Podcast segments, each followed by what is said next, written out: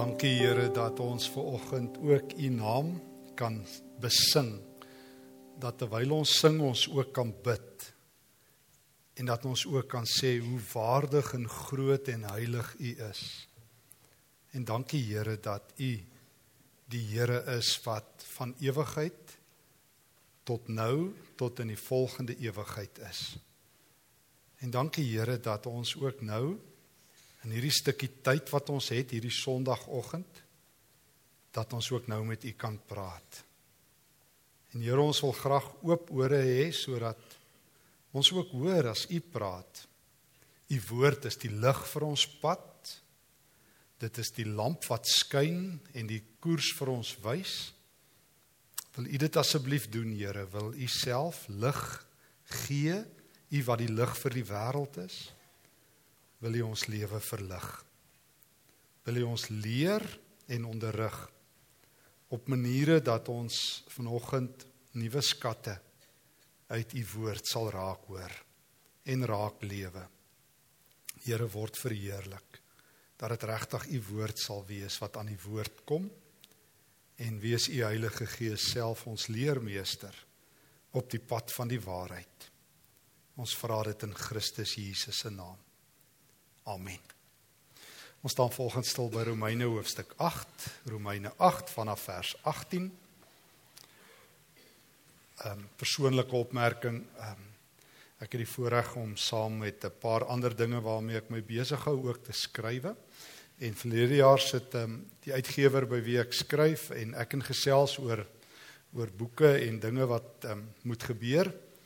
En ek sê uit die blou tyd dat dit tyd is vir 'n boek oor gebed in ons praat sommer so en dit kom dat daar 'n boek moet gebeur oor gebede wat altyd verhoor word. Ek ek stel voor dat dit nogal 'n tema is wat ons moet aandurf en besef onmiddellik die dwaasheid van my woorde omdat gebed nie iets is wat vir my noodwendig maklik kom nie en tweedens ek weet van baie gebede van my wat leweloos terugkom en dat dit amper so 'n bietjie waagmoedig is om oor gebed te skrywe. En tweedens gebede wat altyd verhoor word en toe die boek 2 weke terug verskyn en um, ek so twee Sondae terug daar by die die ander kampus preek uh, by Midstream. Ehm um, is Colin Smith ook daar. Uh, hy moes die doop hanteer en ek wou graag vir sy vrou 'n boekie gee uh, omdat sy ook 'n wonderlike gebed geskryf het wat ek in die boek geneem het. En ons staan en praat Colin en ek oor so tussen die dienste oor gebede. En Colin sê iets wat so diep met my geresoneer het en my daai af van toe af die afgelope 2 weke net nie uitlos nie. En ek wil graag vanoggend juis uit Romeine 8 daarby stil staan te danke aan die gedagte wat Colin in my hart gelos het van gebed wat eintlik inluister is op God en die tema inderdaad gebed wat altyd verhoor word. En kom ons lees Romeine 8 gedeeltes uit Romeine 8 vanaf vers 18. En my gebed is regtig dat die Here vir ons iets nuuts uit hierdie kosbare woord van hom sal uithaal. Paulus skryf: Ek is oortuig daarvan dat die lyding wat ons nou moet verduur nie opweeg teen die heerlikheid wat God vir ons in die toekoms sal laat aanbreek nie. Die skepping sien met gespanne verwagting daarna uit dat God bekend sal maak wie sy kinders is. Dan vertel Paulus in vers 20:21 hoe die skepping swaar kry met name vers 22. Ons weet dat die hele skepping tot nou toe sug in pyne van verwagting. Paulus ken 'n skepping, die handewerke van God wat ly. Jy en ek hoef nie ver te soek om lyding in die skepping raak te sien nie. Ons kan maar net kyk na hoe water besoedel word, hoe lug al vuiler word, hoe drinkwater al hoe skaarser word. Hoe die skepping regtig snak na asem en na spasie. Hoe ons as mense net willoos bome afkap en diere doodmaak en God se mooi handewerke trap. Dit bly altyd vir my 'n ironie, weet julle, dat ehm um, as mens die skepingsverhaal van Genesis 1 lees, dat dit net die laaste dag van die skepping is, dag 6 wat God moeilikheid gee, die dag toe hy mense gemaak het. Totdat God mense gemaak het, het alles mooi gewerk. En vanaf daai mense is, is daar moeilikheid in die skepping. Ons vernietig al die ander goed wat God gemaak het. God se res van sy skepping gee hom groot vreugde. Ons gee hom groot hartseer en God se skepping kla by God oor ons. Is dit nie hartseer nie? Here, help ons. Die skepping praat, die skepping roep en jy lees dit in die Ou Testament dat die berge met God praat en die heuwels. God sê vir Micha, ek sal die berge inroep as getuies teen julle. God se skepping leef en kla by hom. Die skepping sug. Die skepping kan dit nie meer vat nie en ons sien dit ook rondom ons. Paulus gaan aan. Vers 23 en nie net die skepping nie, maar ook ons wat die Gees ontvang het as die eerste gawe van God ons sug ook. Tweede sug in die in hierdie teks. Ons wat die Heilige Gees het, ons sug ook. Sug is nie 'n is nie 'n baie opbouende ding eintlik om te doen nie. Wanneer iemand sug, dan weet jy al het gesug. Wel ons het 'n familielid gehad wat die sug vervolmaak het. Ek onthou altyd in my kinderdae as die oom gesug het, is daar gesug en het die hele huis tot stilstand gekom want oom het gesug. En as dit regtig 'n uh, op 'n eerste klas sug was, het hy nog so ag ja, baie gesê. En dan weet ons niks is meer nodig om gesê te word nie. Die lewe is hard want die oom het gesug. En nou sê Paulus gelowige gesug ook. En hy sê nie eers die teenwoordigheid van die Heilige Gees van die sug weg nie. Jy sien Paulus het nooit 'n verbruikerskerk gebou nie. Hy was nie in wat ons vandag oral in die wêreld sal sien, consumer Christianity, waar God net vir jou 'n lekker lewe en jou gebede wil verhoor en alles wil uitsorteer, jy bid en daar's antwoorde. Jy kan op die televisie diens op diens sien waar jy net jou wonderwerkie moet kom haal by die Here. Hy staan net reg om vir jou terwyl dit te wees die een stop religieuse diens genaamd God. Hy is dit nie. Ek onthou die groot skrywer C.S. Lewis wat gesê het dit het my genees van alle verbruikersmentaliteit in godsdiens.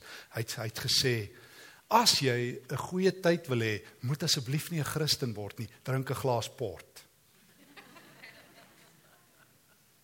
God is nie in die besigheid om jou lewe vir jou lekker te maak nie. Hy is nie En daarom sê Paulus, die een ding wat jy moet weet, selfs as jy die gees van die lewende Here het en jy leef in die regte lewe, gaan jy eers so swaar hê dat jy gaan sug. Dat jy net nie weet nie. Die skepping sug en gelowige sug. En nou gaan Paulus aan. Hy sê ons wat die eerste gawe van God het, ons sug. Maar vers 26. Die Gees staan ons in ons swakheid by. Paulus praat oor swakheid, ons swakheid. Ons hoor nou van die skepping se swakheid. Ons hoor van jou en my swakheid. Paulus sê ons grootste swakheid is ons weet nie hoe ons behoort te bid nie. Kan jy dit glo? Stop net gou vir 'n oomblik. Paulus sê ons grootste swakheid. Ons weet nie hoe om te bid nie. Nou ouens, dis nie ehm um, dis nie een van ons hier wat dit volgens sê nie. Dis dis Paulus. Net teen die tyd dat Paulus die Romeine brief skryf, het hy al die baie 18000 km met sy skoene met sy voete vir Jesus geloop. Het hy die kerk in die hele Romeinse wêreld ingevat. Ek is seker, as ek ooit in die hemel, as daar ooit, ek weet dat daar sou nie so iets wees nie. Maar as daar ooit in die hemel so 'n ding sou wees, die vyf mense in God se oë wat die wêreld onherroepelik verander het, sal Paulus loshande nommer 1 of 2 wees. Geen twyfel nie. Dis die een man wat die wêreld andersom laat draai het. Toe hy gebore is, toe hy dood is, het die wêreld radikaal anderster gelyk. Vandat Paulus in Jesus vasloop totdat hy um, in die hemel instap. Gebruik God daai man om die hele wêreld onherroepelik te verander. Ons sit vandag met sy briewe. Biljoene mense het hom gelees. Hy het die kerk op verbeelding ryk in die Romeinse ryk ingevat. Hy het briewe geskryf wat daar nog nooit was nie. Paulus is die man van God. Paulus, dis Paulus wat sê, ons weet nie hoe om te bid nie. Ons weet nie hoe om te bid nie. Ken jy ook daai gebede? Ek ken hulle. Ek is seker hulle slaan teen my plafon vas en hulle hulle laat nog die die die verf ook afval. So so hard tref hulle die plafon dan val hulle terug op my. Ken jy daai gebede wat jy dink geen mens nie as God sal daarvan hoor nie? Ken jy daai sukkel om te bid? Ken jy daai gebede wat jy net nie taal het nie? Vriend van my, wie se seun ruk terug dood is 'n paar maande gelede en ek sit nou die dag in gesels net daarna sy swaar vermoor. En hy sê vir my Stefan ek kan nie bid nie. Ek sê ek weet, jy moenie. Jy hoef nie. Ek het vir jou goeie nuus. Kan ons 'n deel uit die skrif uit. Romeine 8:26. Ons weet nie wat ons moet bid nie. En hier's die ding want ons tema vir oggend is geliefdes, daardie gebede wat altyd beantwoord word daardie gebede wat altyd beantwoord word. Dis die goeie nuus. Dis nie een van joune nie. Dis ook nie een van myne nie. Daar's 'n ander bidder in die heelal wat bid. Paulus sê die Gees self pleit vir ons met versigtings, met sigte wat nie in woorde gesê kan word nie. O, daar's 'n bidder in die hemel die Heilige Gees, een van die vergete verlore tekste van die Bybel. Die Gees is nie die een wat die kerk op aarde vervul, wat die krag bring, wat die wêreld verander deur Christene getuies te maak nie. Die Gees is die groot voorbidder by God. En hy sug ook, die derde sug. Hy bid met sigte wat nie met woorde gesê kan word nie, maar as die Gees sug, is dit nie die hooploosheid van die skepping en van gelowiges nie. Want hoor, hy bid met sigte wat nie in woorde gesê kan word nie. Hy vertaal dit wat jy nie kan sê nie. Daardie lewelose gebed wat die dak tref. Daardie totale leegheid as jou kind dood is en jy het nie meer taal nie. Ehm um, vrou het jare gelede vir my gesê na sy ook 'n familielid aan die dood afgelê het. Sy sê ek het nie eens meer genoeg trane vir my hartseer nie. My trane het opgedroog. Ek ek het seerder as wat daar trane in my oë kan wees. En ehm um, die hulpeloosheid van partykeer dat jy vir iemand bid en dit lyk of dit nie gehoor word nie. Die magteloosheid, die gesukkel van gebed. Paulus sê daar's iemand wat dit vir jou kan kan ondervang. Daar is iemand wat kan praat met die Here wat jy nie kan praat nie. Jy het nie taal nie. Jy kan net sug. Jy's net magteloos. Jy's net hulpeloos. Jy is net te swak. En daar is waaragtig iemand wie se gebede altyd verhoor word, die Gees van die lewende Here. En God vers 27 wat die harte deurgrond weet wat die bedoeling van die Gees is. O, een gebed wat altyd verhoor word sê Paulus is wanneer die Gees bid, want hy pleit vers 27 volgens die wil van God vir gelowiges en wanneer God met God oor jou praat, weet jy gaan iets gebeur. Wanneer God met God praat, kan jy stil bly en luister. Die meeste van die tyd weet jy dit nie. Jy weet nie eers daar is vandag vir jou gebid nie. Dalk weet jy dit, dalk was dit jy of jou ouers of 'n vriend Maar wanneer die Heilige Gees by jou lewe kom, kom kyk hy dit wat jy nie kan sê en waarvoor jy nie woorde het nie, wat in jou gees lewe en dit wat jy nodig het wat jy nie eens weet nie en gaan praat met God en God wat jou hart ken weet waar die Gees sy taal gaan haal wat hy met God praat. Die Gees praat die taal van jou hart, nie die taal van jou lippe nie. O God is op baie mense se lippe maar hy's in min mense se harte. Maar daar waar God in mense se harte is, weet God wat is die taal van jou hart. Daarom weet ek, hoef hoef ek nooit groot woorde en mooi woorde op te gebruik nie, want God kyk nie na my taal in die eerste plek nie. Hy kyk na my hart se taal. En hy kyk nie eers na die woorde wat ek baie keer nie uitkry nie. Dis hoekom, dis hoekom, dis hoekom Jesus kan luister na die gebed van daai vrou wat sy voete met haar trane nat huil. Sy bid nie een keer, een woord nie. Maar sy bid. Want Jesus hoor haar hart en die Gees hoor haar hart en die Gees gaan praat met God die Vader en God laat alles vers 28 ten goeie meewerk as die Gees bid. Hier is nie hierdie teks word so misbruik. Ek kry altyd so seer as ek hoor hoe ouens met hierdie teks aangaan. Paulus sê nie man alles werk vir 'n Christen reguit nie. Hy's nie besig om vir jou 'n 'n um, get out of jail kaartjie te gee nie. Hy sê vir jou As die Gees bid, sal God jou lewe in sy planne inwerk. En nou vertel hy hoe dit gebeur vers 29 en 30. En dan in vers 32 sê hy God sal vir jou alles gee. As die Gees vir jou bid. Dalk sukkel jy. Hier is vir jou goeie nuus. Dalk is jou lewe nie op 'n goeie plek nie. Hier is vir jou goeie nuus. Dalk het jy vanoggend vir my maar net in die kerk kom sit en jy sê my geloofslewe in die binnekant is so dood soos 'n mossie. Hier is vir jou goeie nuus. Die Gees bid vir jou. Die Gees se gebed word altyd waaragtig verhoor want hy ken die hart. In wie se lewe hy werk. Hy ken jou hart. O sê jy soos ek Here, my hart is bedrieglik bo alle dinge. Die Gees weet dit. O, ek weet ek moes al verder op my geloofspad gewees het. As ek moet staan, val ek baie keer. As ek moet loop, sit ek baie keer.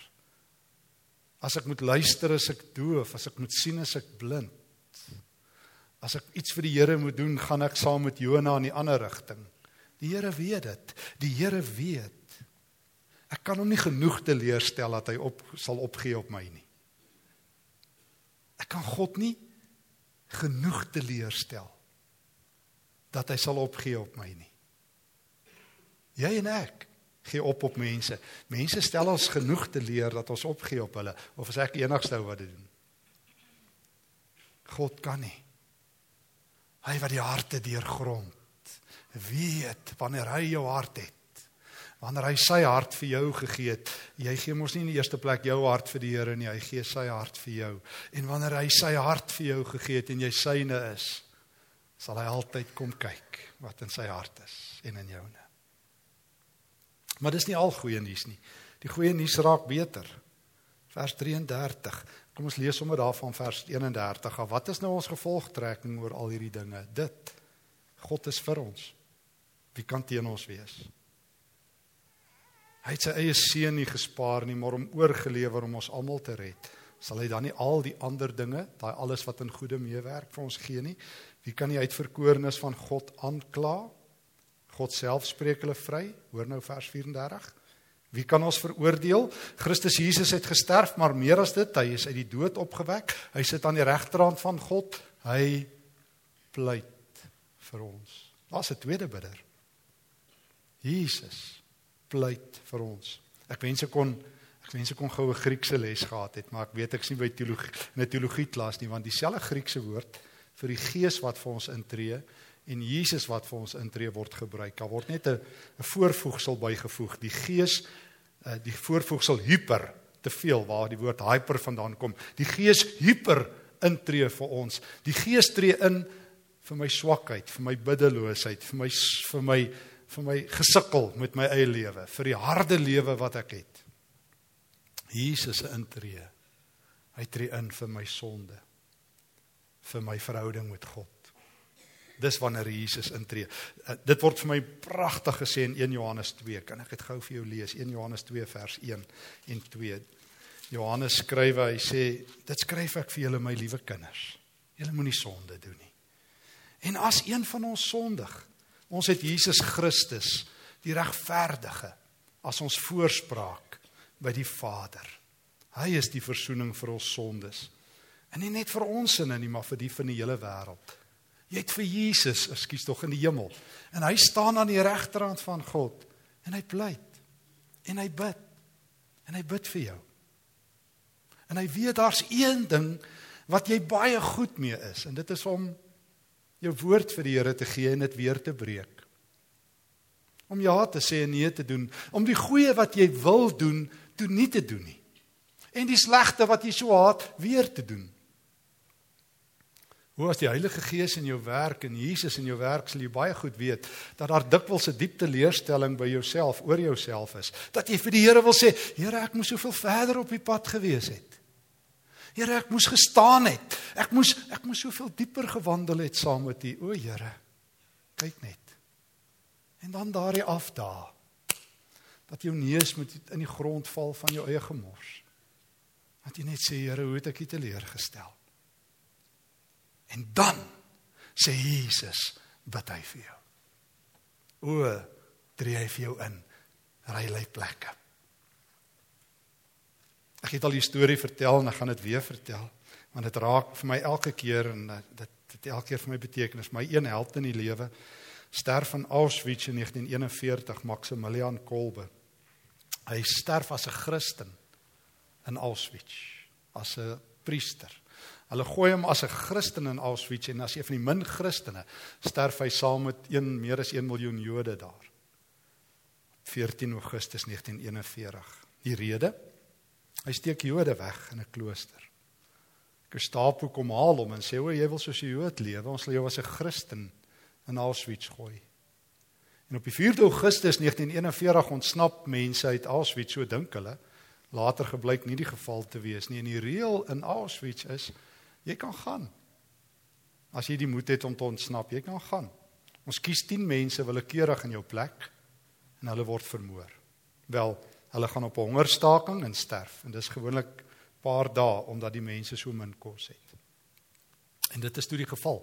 En die kampkommandant roep toe al die mense bymekaar, al die Jode en ehm um, kies willekeurig 10 mense en hulle 10 moet toe nou vir ehm um, uitgehonger word. En die oggend toe die kampkommandant hulle kies, val 'n man voor hom neer met die naam ehm um, Gajovischek, Francis Check Gajovischek en hy smeek en hy hy's uitgekies en hy sê asseblief ek het 'n vrou en kinders in die kampkommandant lag hom smalend af en sê dis wat oorlog beteken. En daar in die hel van Auschwitz stap Maximilian Kolbe vorentoe. Hy's nie gekies gewees nie. En hy vra kommandant kan ons plekke ruil. Die kampkommandant sê as jy van jou sinne beroof, hy sê kommandant kan ek in daardie gevangene plekke ruil. Sê as jy so simpel is, is reg. Daar hierdie woorde van Jesus geen groter liefde het iemand as dat hy sy lewe vir sy vriende aflê nie. En daar in die hel van Auschwitz is Jesus toe. Een van die Joodse filosowe skryf God was nie in Auschwitz nie. Hoe hy so verkeerd. Want Maximilian Kolbe se God is in Auschwitz want kolbe is daar en in die oomblik as kolbe opstaan is Jesus daar in die hel met sy genade en hulle ruilplekke.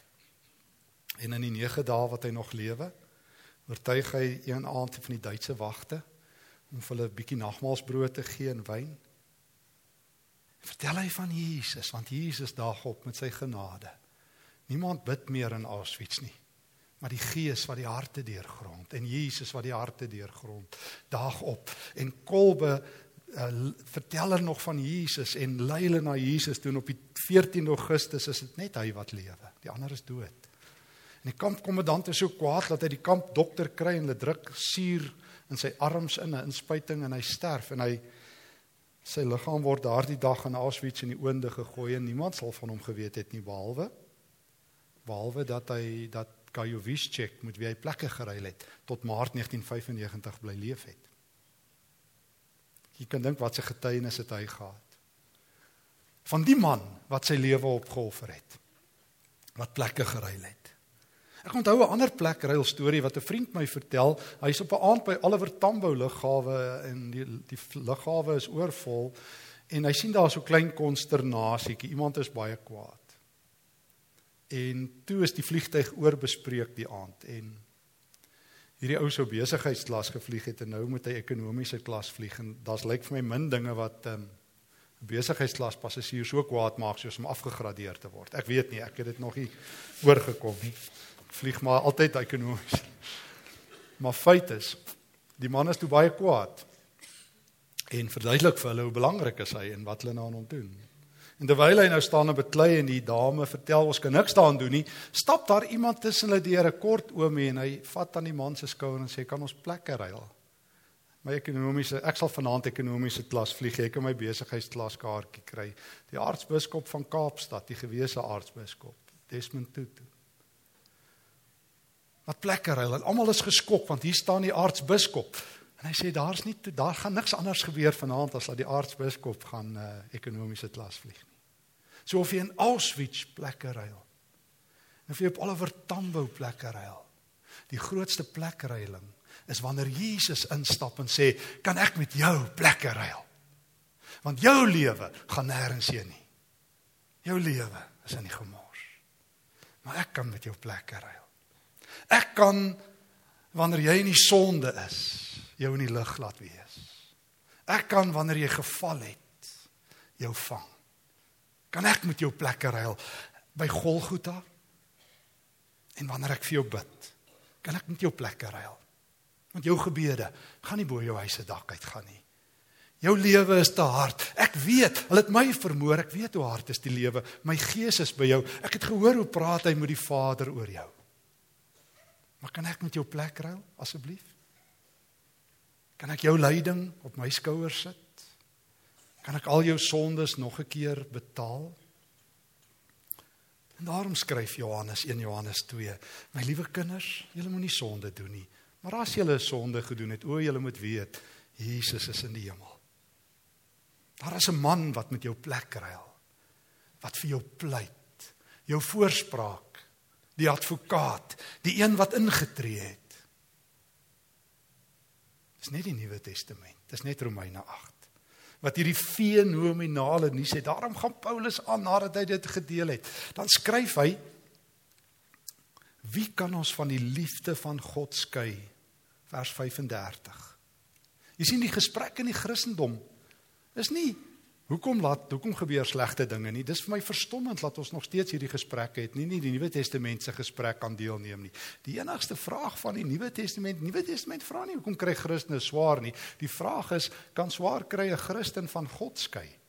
Dis wat ek moet vir mense gevra het toe ek 'n jong ouetjie was en nie geweet het nie. Is almal vir my vra hoekom gebeur dit en hoekom gebeur dat en hoekom word daai ou dood geskiet? Die enigste vraag is kan dit jou van God skei?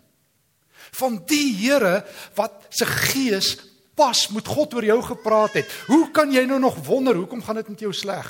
Want God se gees het pas met hom oor jou gepraat en Jesus het pas in jou plek gestaan en jy wonder so net een vraag wat jy nou vir jouself moet vra.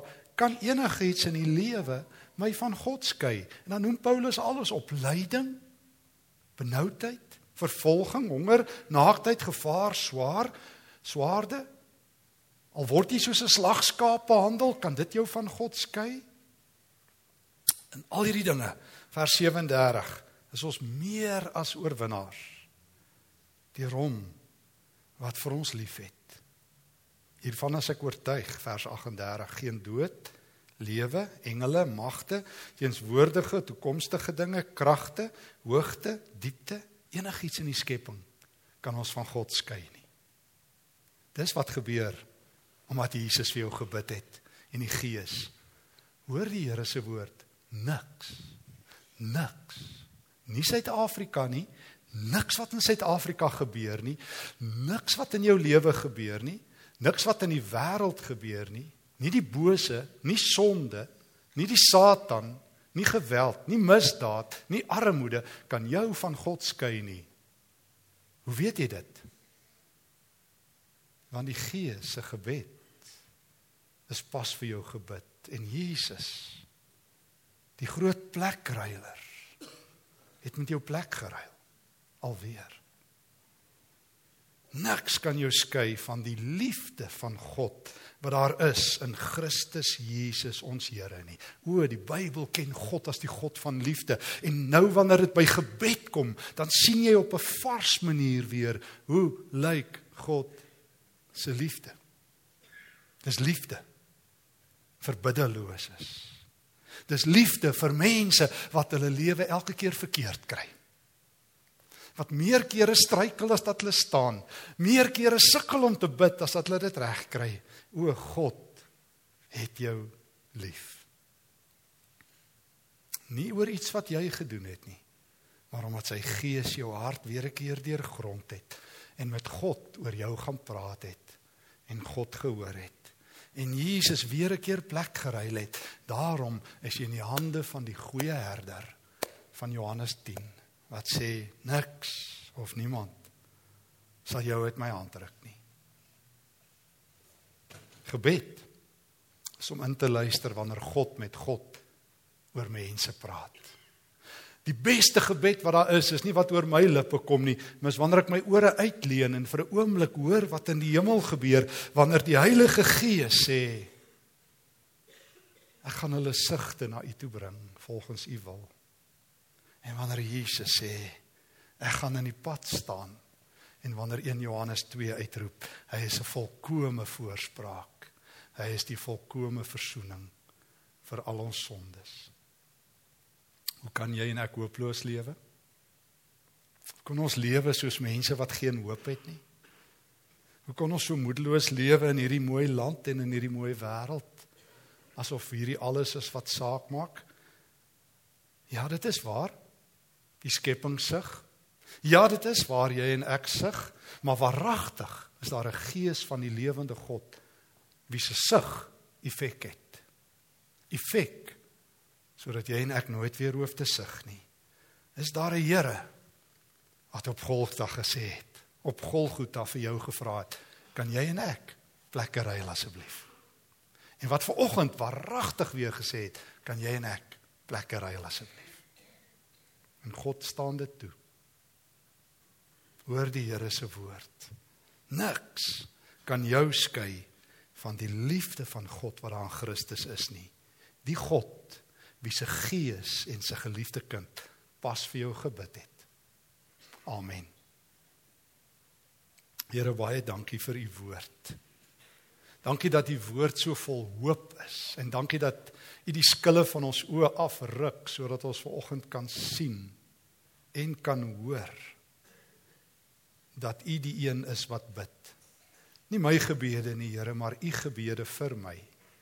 Nie my beste gebede en my beste geloof nie, hoe belangrik dit ook al is, maar U wat my hart deurgrond.